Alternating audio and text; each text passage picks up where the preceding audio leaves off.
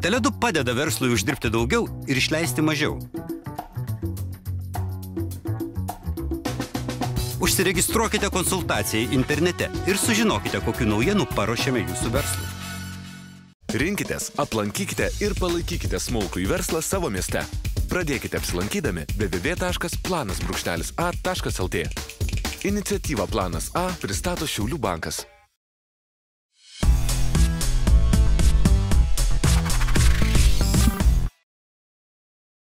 Sveiki, čia Pinigų kartos akademija ir aš Vilma Leonavičinė ir šiandien diskutuosime tema apie sėkmingas verslo idėjas švietime su VŠI versliai Lietuva startuolių ekosistemos plėtros padalinio Startup Lithuania vadove Roberta Rudokienė. Ir Mantautu Rubežimi, aplinkos inžinerijos doktorantūros studentu VDU doktorantūros studentu, pavojingų atliekų tvarkymo ir biodujų gamybos ekspertu, MB biovala vadovu. Vėliau mes jų paprašysime pakalbėti ir prisistatyti plačiau. Aš atstovauju Vytauto didžiojo universitetui ir mūsų tema yra sėkmingos verslo idėjos švietime.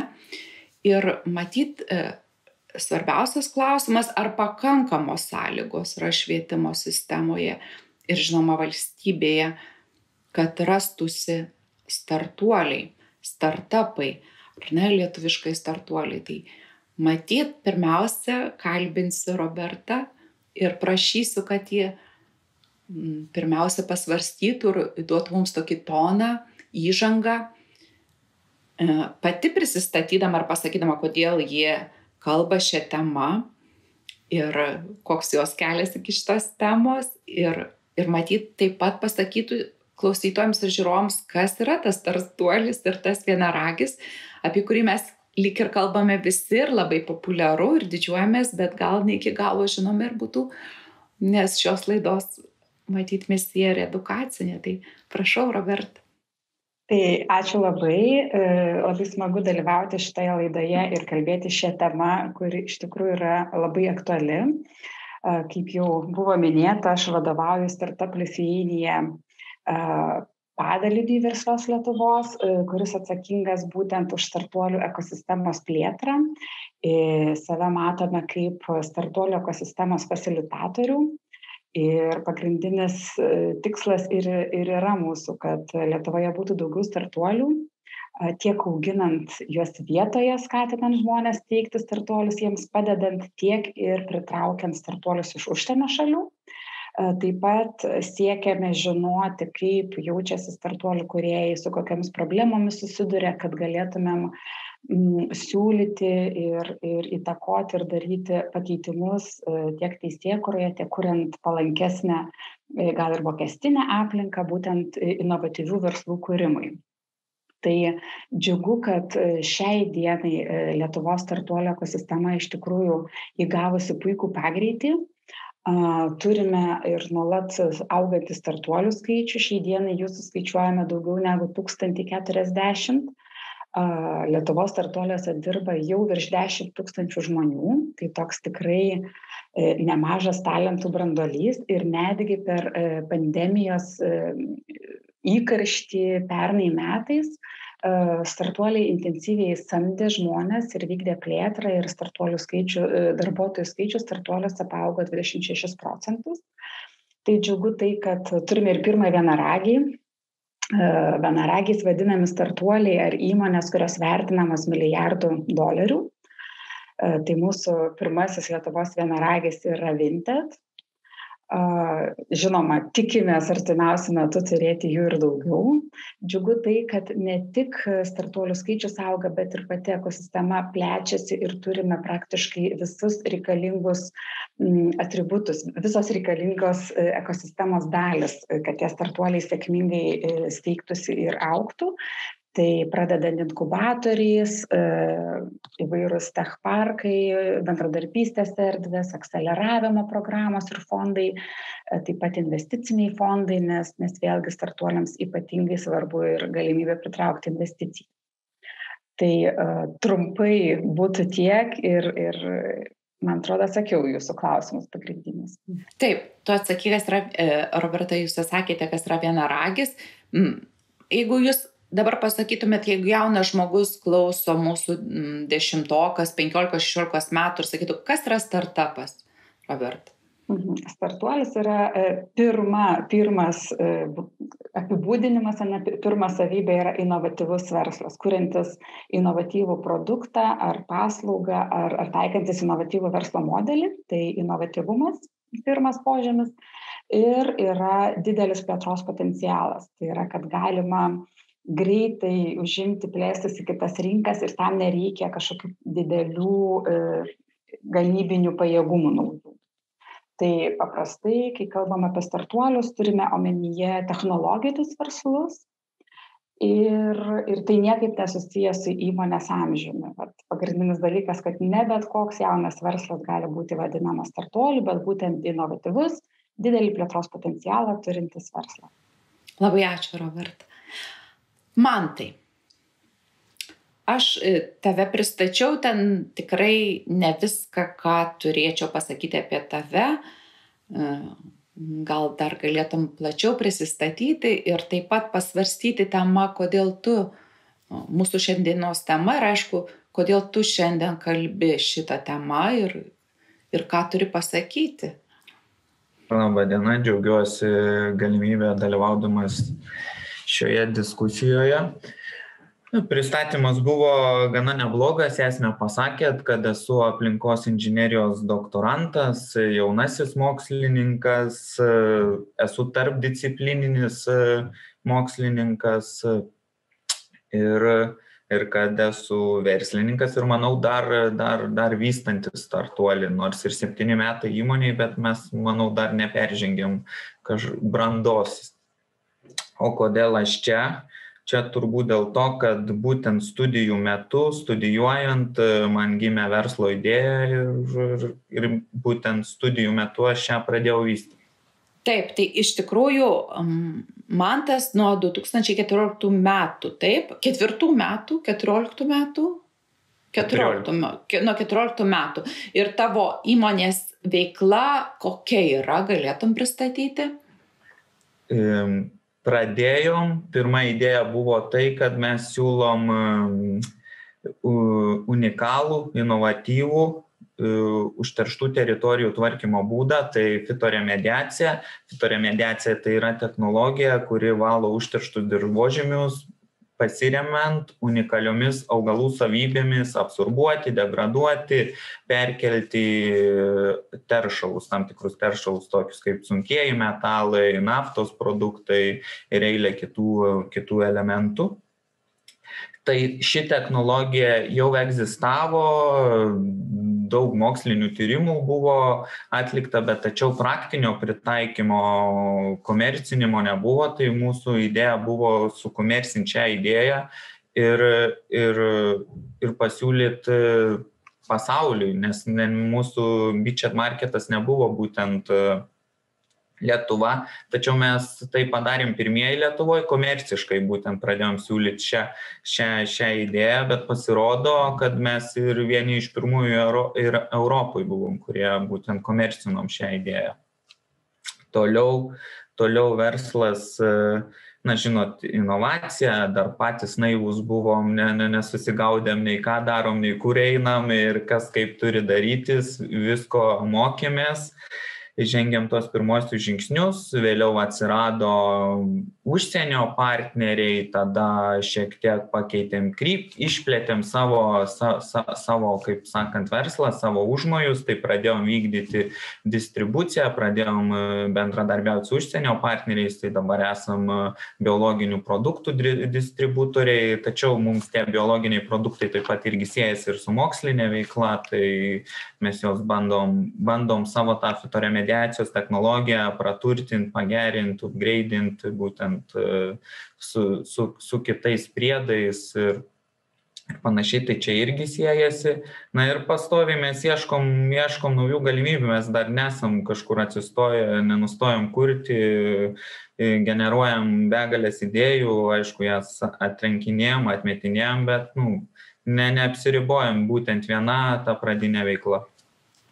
Taip, ir čia man tas kaip tik labai gražiai paliečia temas, kurios man labai svarbios ir aktualios, kuriuo aš noriu labai klausti.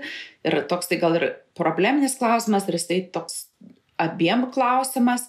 Um, Man tas sako, kad jo idėja kilo rašant bakalauro darbą, aš taip suprantu, ar ne? Ir, ir tada su draugu jie labai gražiai istoriją sugalvoja į, įkurti startuolį arba įmonę. Ir tada man labai svarbus klausimas, kuris susijęs su šiandienos sėkmingos verslo idėjos švietime, ar universitetas dalinasi m, ta, tuo produktu, vadinasi, man tas parašė bakalauro darbą ir jis sukūrė, turi idėją, tada jis įstojo į doktorantūrą, ar jis gali savo sukurtą mintį mokslinį produktą, mokslinį produktą įsinešti ir, ir, ir panaudoti jį savo startuolyje. Man tai kaip čia vyksta visas tas mechanizmas, nes mes matome pavyzdžius, ar ne Stanfordo universitetas, visą laiką e, stebėme, džiaugiamės, beveik tiek pas studentų toks pats skaičius kaip ir Vytauto didžiojo universitete, aišku, kitos pakraipos universitetas, bet vis tiek ir, ir girdime, kokie skaičiai, kiek milijardų pritraukia ir, ir kiek startuolių, ar ne, ten aš net užsirašiau, kad startuolių yra sukurta 40 tūkstančių startuolių. Tai tokio paties dydžio kaip ir Vytauto didžiojo universitetas.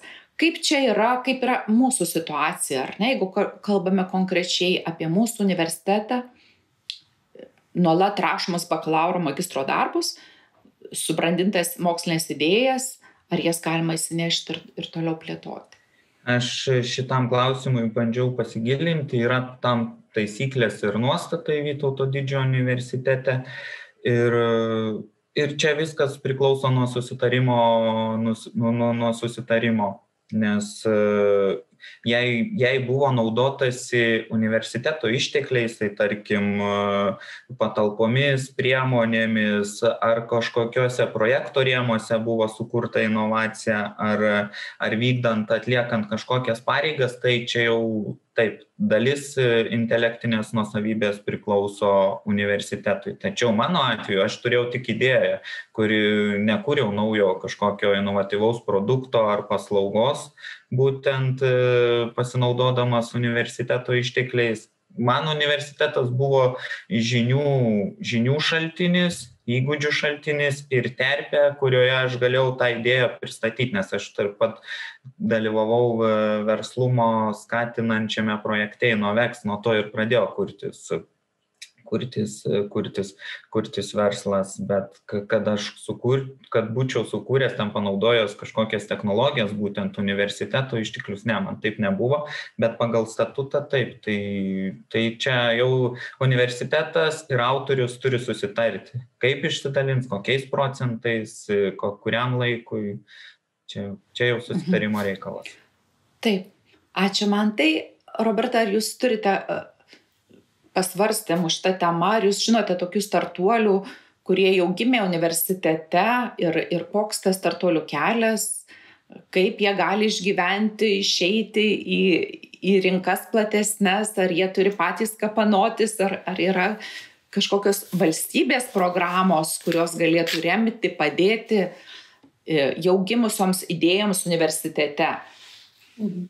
E, iš tikrųjų labai džiaugiuosi, kad šiandien kalbame šitą temą, nes e, matome, kad tikrai dar yra Lietuvai kur pasitemtis universitetuose ir švietimo įstaigose, taip pat ir mokyklose, kalbant apie programavimo mokymą, ne, jeigu mes norim kurti inovacijas, technologijas, tai a, tikrai jau laikas peržiūrėti ir anksčiau įtraukti robotikos tokius e, mokymus, programavimo pagrindus, estijoje mokama mokomi vaikai nuo pirmos klasės, pas mus programavimas atsiranda tik penktoje, tai pradedant jau nuo mokyklos e, universitetuose irgi matom tą poreikį daugiau skatinti praktinius dalykus, ne tik suteikiant žinias, bet būtent skatinti tą verslo kūrimą, komandas burtis tarp disciplininės, būtent skirtingų pakraipų studentus, nes e, startuolio kūrimas yra komandinis e, darbas, ne solo verslas.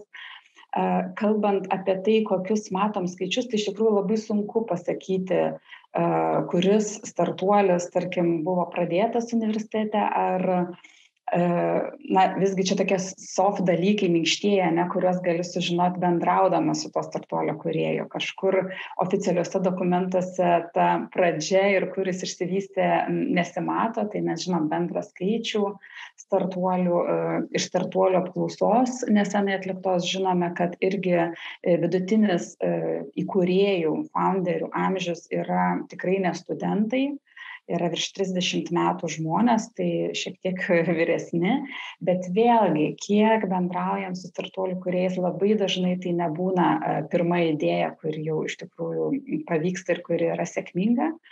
Mm, gali būti, kad jie pradėjo kažkokią idėją vystyti dar studijų metais ir paskui ten keičiant, adaptuojantis į rinkos e, poreikius, o gal ir visiškai kitas sprendimas pasiūlomas tai e, šiai dienai mes manome kad tikrai tų potencialo universitetuose mes turime daug ir jis dar taip nėra visiškai įgalinimas. Kartais atrodo kad gal ypatingai kalbant apie sudėtingesnius mokslininkų e, tyrimus ir darbus. E, taip atrodo, kad visa tai vyksta universiteto, už universiteto sienų ir sunkiai išeina kažkaip į tą, į rinką, į pardavimus, vad būtent man to minėtas komercinimas, komercializacija dar buksuoja, sakykime, Lietuvoje, ne ir šitoje srityje irgi universitetai galėtų daugiau E, daugiau padėti e, ir daugiau skatinti tuos studentus, kiek domėjausi irgi minėtų Stanfordu ir, ir garsiaisiais užsienio universitetais, kodėl ten ir tų startuolių daugiau, tai būtent ir dėl šios e, intelektinės nusavybės, Lietuvoje, kaip man tas minėjo, kad e, jeigu naudojamasi laboratorijom ir universiteto įranga, tai intelektinė nusavybė priklauso universitetui, nebent ten pavyktų susitarti. Stanforde, didžiuosiuose universitetuose ta intelektinė nusavybė yra dalinamasi, e, priklauso ir autoriui.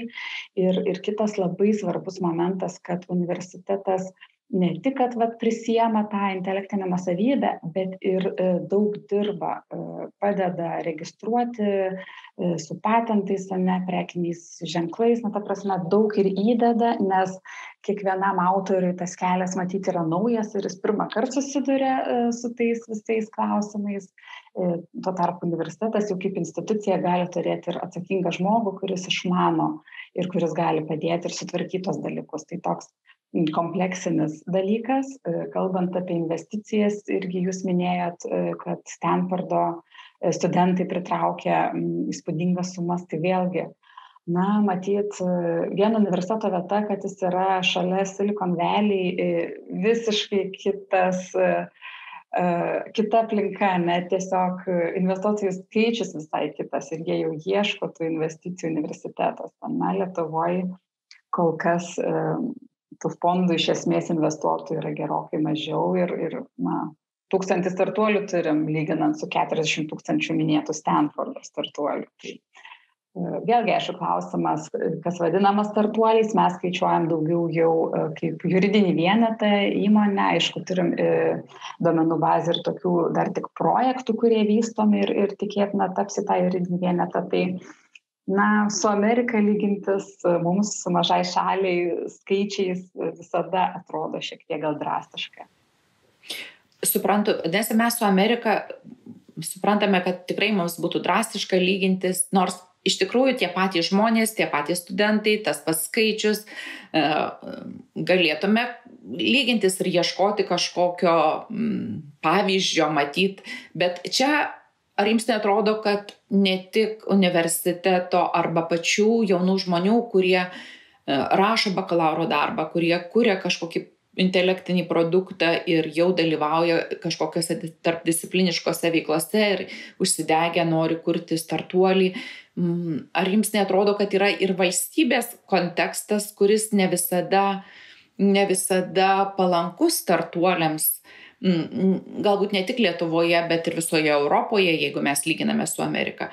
Kaip Jums atrodo, irgi, va, jeigu kalbame, kad universitete užgimė idėja, jauni žmonės susibūrė, jau norėtų kurti startuolį arba jis savaime kažkaip randasi, ar ne, tas žodis lietuviškas randasi šiuo atveju tinkamas kaip grybai po lietaus, ar ne.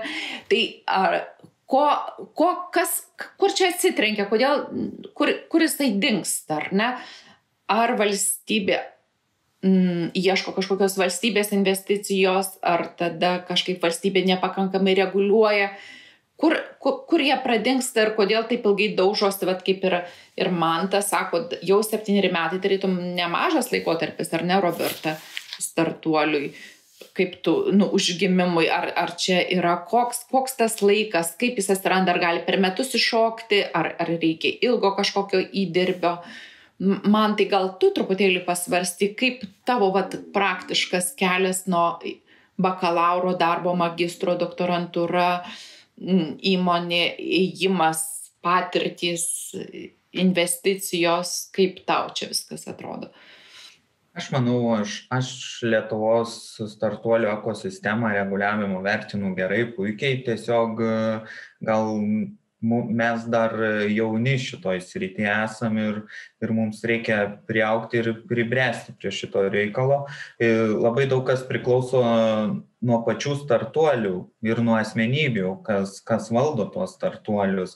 Ar jie sugeba išvelgti tas galimybės, ar jie sugeba pasimti tas galimybės ir, ir kokiose sultyse jie verda, kas juos koordinuoja, kas nukreipinėja, kas, kas padeda jiems ten pa, pa, pasiimti finansus, pasiimti tuos įgūdžius ir žinias. Kas man per septynis metus paliko nu, apie ką galėčiau diskutuoti ir norėčiau diskutuoti, kad e, aš labai daug praėjau tų visokių mokymosi, inkubatorių, akceleratorių, tų programų ir visur yra tik tai konsultacijos, workshopai ir mokymai. Mo, mokymai. E, daug teko su, matyti žmonių, daug tų, tų mentorių sutikti. Aš jų, jų, jų darbo nekvestion, nekvestionuoju, bet labai daug teko sutikti tokių, kurie jie tikrai stiprus savo srityje, turi daug begalę žinių ir patirties, nu, bet jie ne tam lygiai, mes ne, ne tose orbitose esam. Jie ateina iš, iš didelių korporacijų, valdo ten, tarkim, koks nors personalo skyriaus e, vadovas, jis kalba, kaip mums valdyti personalą, kurį mes net neturim ne vieno darbuotojo. Nu, man, mūsų dimensijos prasilenkia, aš nekvestionuoju jo žinių, bet, nu, nu, man ta informacija šiai dienai tikrai nėra, nėra nėra, kaip sakant, reikalinga ir prasminga.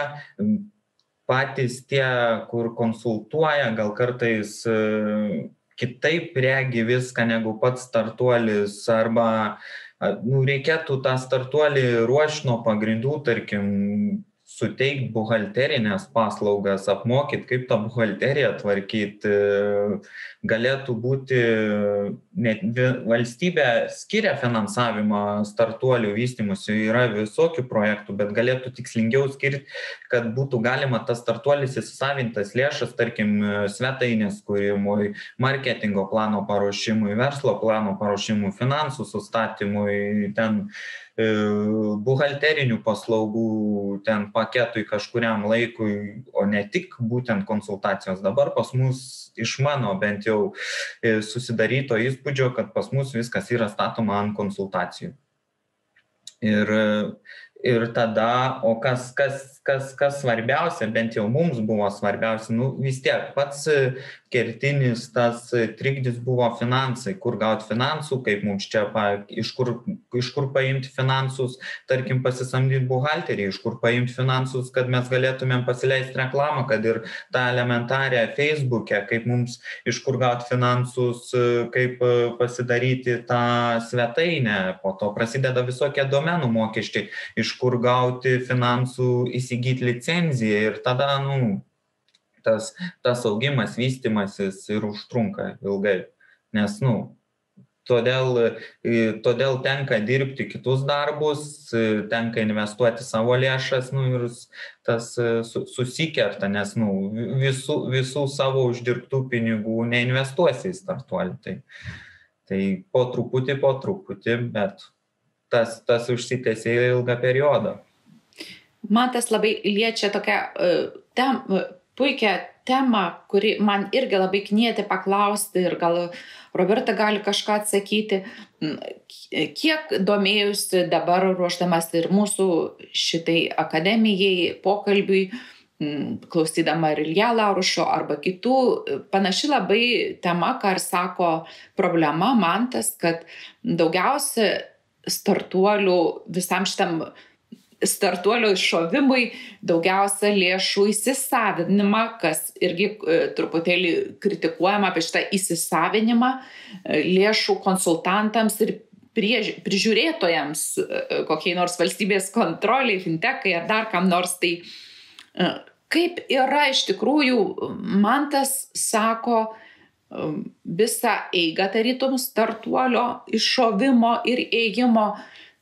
Ar yra, Roberta, kažkokių valstybėje institucijų, kurios padeda ne tik taip iš aukštai konsultuoti ir prižiūrėti jau užsimesgusį startuolį, ar yra kas tikrai padeda ir aukti, ir ar veikia angelų sistema Lietuvoje, kur kažkas gali padėti ir investuoti privatus asmenys, pamatė va tokio manto puikią naują idėją? Nu, mes čia labai daug palėtėm dabar temų mm -hmm, labai įdomių apie minėtą valstybės pagalbą. Yra labai daug diskusijų keliantis klausimas. E, mes visi patys trys esame mokesčių mokėtojai. E, ar tikrai norim, kad iš mūsų sumokamų mokesčių visi, visi verslai būtų finansuojami ir, ir leisų tos pinigus rinkodarai? Ne? Nežinau matyt kad ir verslo kūrėjas turi įdėti kažkokių pastangų ir ir suvokti kad startuolis skirtingai net nuo tradicinio verslo yra dar rizikingesnis a, yra ten tie skaičiai, na, kad 90 startuolių žlunga per pirmus tris metus, tiesa, neturim Lietuvos e, statistikos, kaip yra iš tikrųjų, man atrodo, gal net taip drastiškai. E, bet tai iš tikrųjų yra rizikingesnis, nes sunkiau įvertinti, nėra kažkokių, matyti, rinkos tyrimo, ne kaip tą naujovę iš vis priims rinką, e, ar jie nusteikia mokėti. Tai na, bet kokį verslą pradedant vis tiek turi pagalvoti, įsivertinti, pasižiūrėti, kam reikia, kas mokės, ne, ir iš kur, ir, ir iš kokių lėšų aš kursiu tą, tą verslą. Ir, ir sakau, čia toks nu vat irgi visąlaik diskusijų klausimas ar tikrai turi valstybė vat iškart ir duot kiekvienam sugalvojusiam tą verslą daryt ar visgi verslas turi kažkiek įdėti pats ir stengtis ir ieškot pritraukt investicijų ir šiai dienai tikrai yra mm, ir tų galimybių lietuvoj daugiau man tas kadangi matyt septynis metus kuria tą startuolį gal šiek tiek anksčiau naudojasi esama infrastruktūra tai tai šiuo metu turime ir du akceleravimo fondus, kurie ne tik, kad padeda susidėlioti visą tą verslo modelį, e, pasiruošti pardavimams, bet ir investuoja. E, iš pradžių kartu su mokymų programa, reiškia, duoda ir lėšų toliau vystyti ir tai yra kaip ir toks pirma, pirma galimybė galbūt pritraukti investiciją, taip pat aišku, ankstyvoji stadija yra verslo angelai, e, kas irgi galbūt e, ankstesniais metais ekosistemoje buvo sunkiau tos angelus rasti, rasti privatų investuotoją. Tai treti metai sėkmingai veikia Lietuvos verslo angelų tinklas Litban ir uh, tikrai galima paprastuoju būdu juos pasiekti, užsiregistruoti interneto svetainiai, e, dalyvauti renginiuose, pristatyti savo idėją e, ir galbūt rasti tą verslo angelą, kuris norėtų investuoti. Kita puikiai galimybė yra investicinis fondas, kuris investuoja kartu su verslo angelais ir suteikia startuoliui galimybę pritraukti kaip ir dvigubai didesnę sumą, nes jeigu randu du verslo angelus, kurie investuoja, tarkim, 10 tūkstančių, tai investicinis fondas gali kartu su jais dar 10 tūkstančių investuoti. Na ir paskui, žinoma, rizikos kapitalas. Ir vėlgi kitas, kitas dalykas, ką irgi mes dar startuoliam visą laiką rekomenduojam įsivertinti, ar jiem iš tikrųjų tos investicijos iš viso reikia, gal jie gali sėkmingai aukti ir plėstis iš savo uždirbamų pinigų. Tai vadinasi, mes lyg ir sakome, kad situacija startuoliams Lietuvoje gerėja ir, ir, ir angelai, ir, ir, ir valstybė, ir matyt, galvojame, kaip tu man tai galvoji, ar valstybė turėtų investuoti, ar jinai turėtų reguliuoti. Aš manau, kad turėtų ir investuoti, ir reguliuoti. Apie investavimą šiek tiek kalbėjau, gal tik e, pareflektuosiu truputį Aha. Robertai, kad Taip. E, turbūt nu, kad ne būtent skirti mokesčių mokėtojus to startuolio augimui ir dar kažką, bet jie jau yra kažkokia programa, kažkoks projektas, e, kaž, kažkokie jau, kažkokios investicijos yra, nu, tai jei man skiria konsultantą, tarkim, kažkokį marketingo specialistą tai tas marketingo specialistas galėtų dirbti individualiai ir ir ne tik kad visą darbą turėtų nudirbti būtent pats startuolis bet galėtų tas marketingo specialistas jam padėt dirbt sustatyt ten planą dar kažką pasakyt va būtent e, tau pa parengiau kažkokią programą ją reiks tiek investuoti pabandyk rasti investicijas kad nukreiptų jį. O dažniausiai vyksta tiesiog bendros, bendros konsultacijos, bendro pobūdžio konsultacijos ir, ir workshopai, kad tu įgautum kažkokių žinių, kurias galėtum pritaikyti savo, ver, savo, savo versle. Manau, reikėtų labiau to individualizmo, kad tas būtent konsultantas, tas specialistas dirbtų su ta įmonė ir jis dirbtų savo darbą ne tik kaip konsultantas, bet kaip ir būtent da, darbuotojas, kad jis paimtų va, ir sustatytų viską.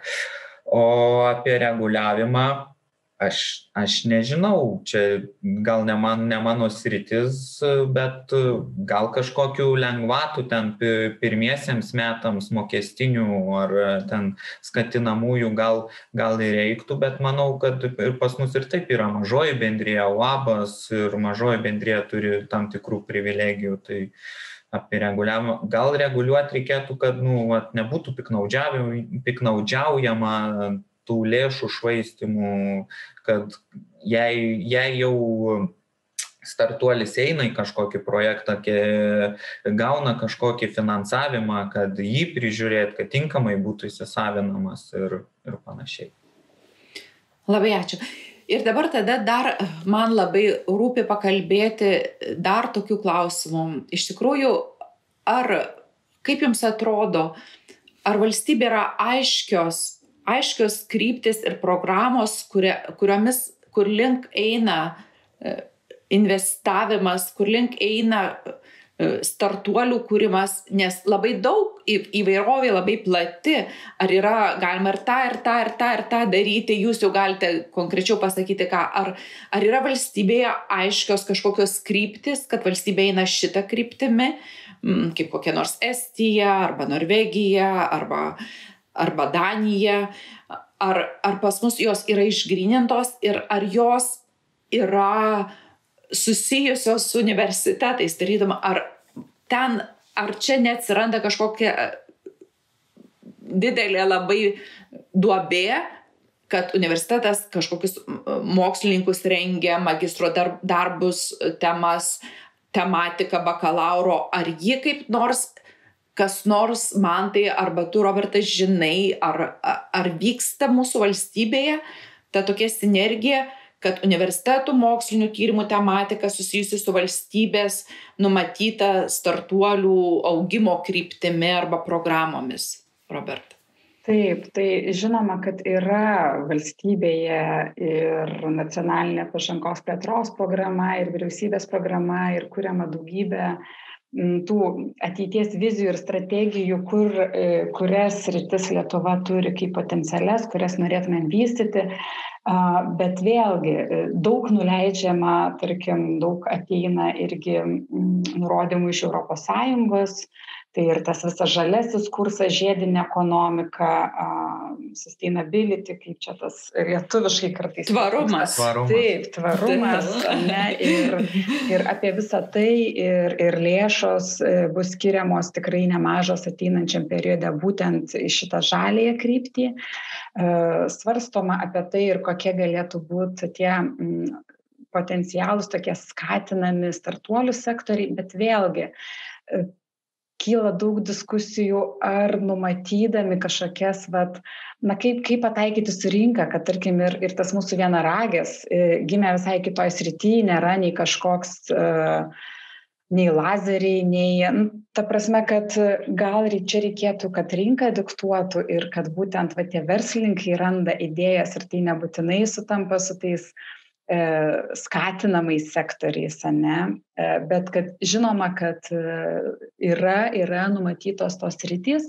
Kalbant apie universitetus, tai matyt, kad yra kažkoks vėlavimas, gal ir sudėtinga tas mokymo programas paruoš prisitaikytai apie tai, kad trūksta IT specialistų Lietuvoje jau šiai dienai, apie 13 tūkstančių kalbama senai ir kažkaip nežinau, kiek universitetai adaptavosi, sureagavo apie tai, kad reikia jau, jau dabar reikia tų didžiųjų duomenų, big data specialistų, ne AI, dirbtinio intelekto, tokių gilesnių, nišinių e, sričių irgi na visi žinom, visi kalbam, nežinau, kaip universitetai greitai gali vat, sukurti tokią programą ir pradėti ruošti tokius specialistus. Tai tas vėlavimas yra ir norėtųsi, kad irgi greičiau vyktų pokyčiai.